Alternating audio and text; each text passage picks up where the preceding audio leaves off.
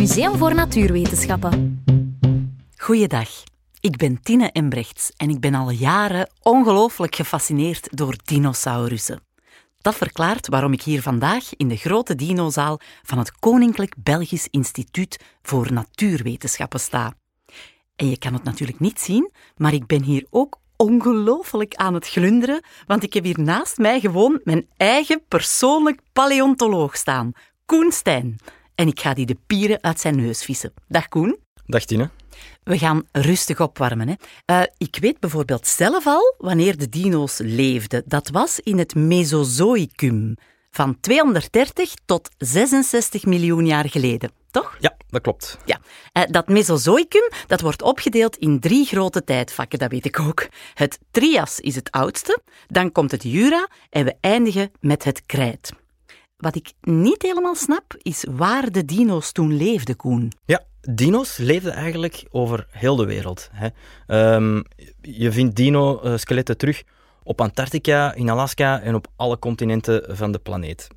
Het was natuurlijk voor hen ook veel gemakkelijker om al die plaatsen te bereiken, omdat zeker in het Trias al die continenten nog met elkaar verbonden waren in een supercontinent dat uh, Pangea heet. Dus er was geen zee tussen? Nee, er was een, een hele grote zee rondom uh, dat continent. Hm. Um, en het gebied dat nu België is, lag toen ten zuiden van de Evenaar, wat natuurlijk maakt dat het op dat moment een tropisch klimaat was.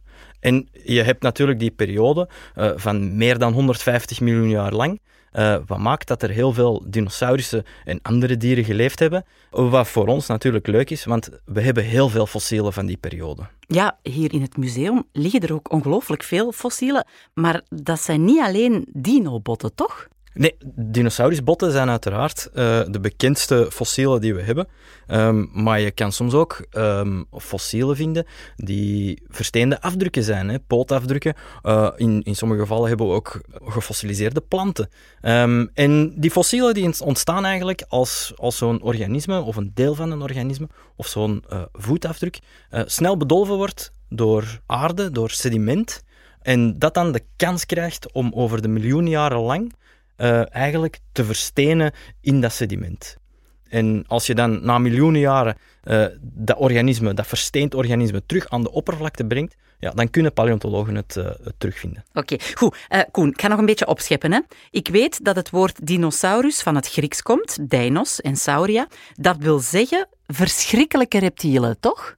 Ja, de term is bedacht door de, de Britse paleontoloog Richard Owen in 1842. En hij, uh, hij was eigenlijk degene die voor het eerst overblijfselen, heel, heel fragmentair, van die verschrikkelijke beesten uh, in zijn bezit had.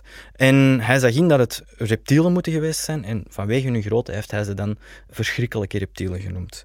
Die fragmenten waren natuurlijk zo incompleet dat we toen een heel ander beeld hadden van die, van die beesten.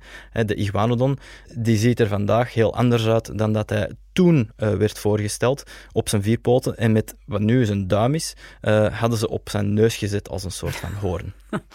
maar uh, je weet toch wat we vandaag onder de term dinosaurus verstaan, hè, Tine? Tuurlijk, tuurlijk. Maar vertel het toch nog maar eens voor de zekerheid, want dan, dan, dan ga ik checken of, of het klopt wat je vertelt. Ja, dus onder dinosaurussen verstaan we eigenlijk alle nakomelingen van de recentste gemeenschappelijke voorouder van de Megalosaurus en de Iguanodon. Ja, dat is eigenlijk een beetje technisch. Hè? Maar wat misschien makkelijker uit te leggen valt, dat is dat de leden van de groep Dinosauria bepaalde kenmerken gemeenschappelijk hadden die hun voorouders nog niet hadden. Zoals poten recht onder hun lichaam en uh, verschillende openingen in de schedel, om er maar een paar te noemen. Binnen de groep Dinosauria ontstaan dan doorheen al die miljoenen jaren ook nog subgroepen met nieuwe kenmerken, zoals de lange nek van de Brontosaurus, op hun achterpoten lopen zoals de Tyrannosaurus rex, of de bekende horens en het nekschild van de Triceratops. Iguanodon en Gallus gallus, oftewel de doodgewone kip. Uh, zei jij nu kip? Ja, de vogels en dus ook de kip hebben een gemeenschappelijke voorouder met de dinosaurussen. Het zijn dus eigenlijk ook dino's. Wow, dat ga ik eventjes laten bezinken. Tot straks aan de volgende stop.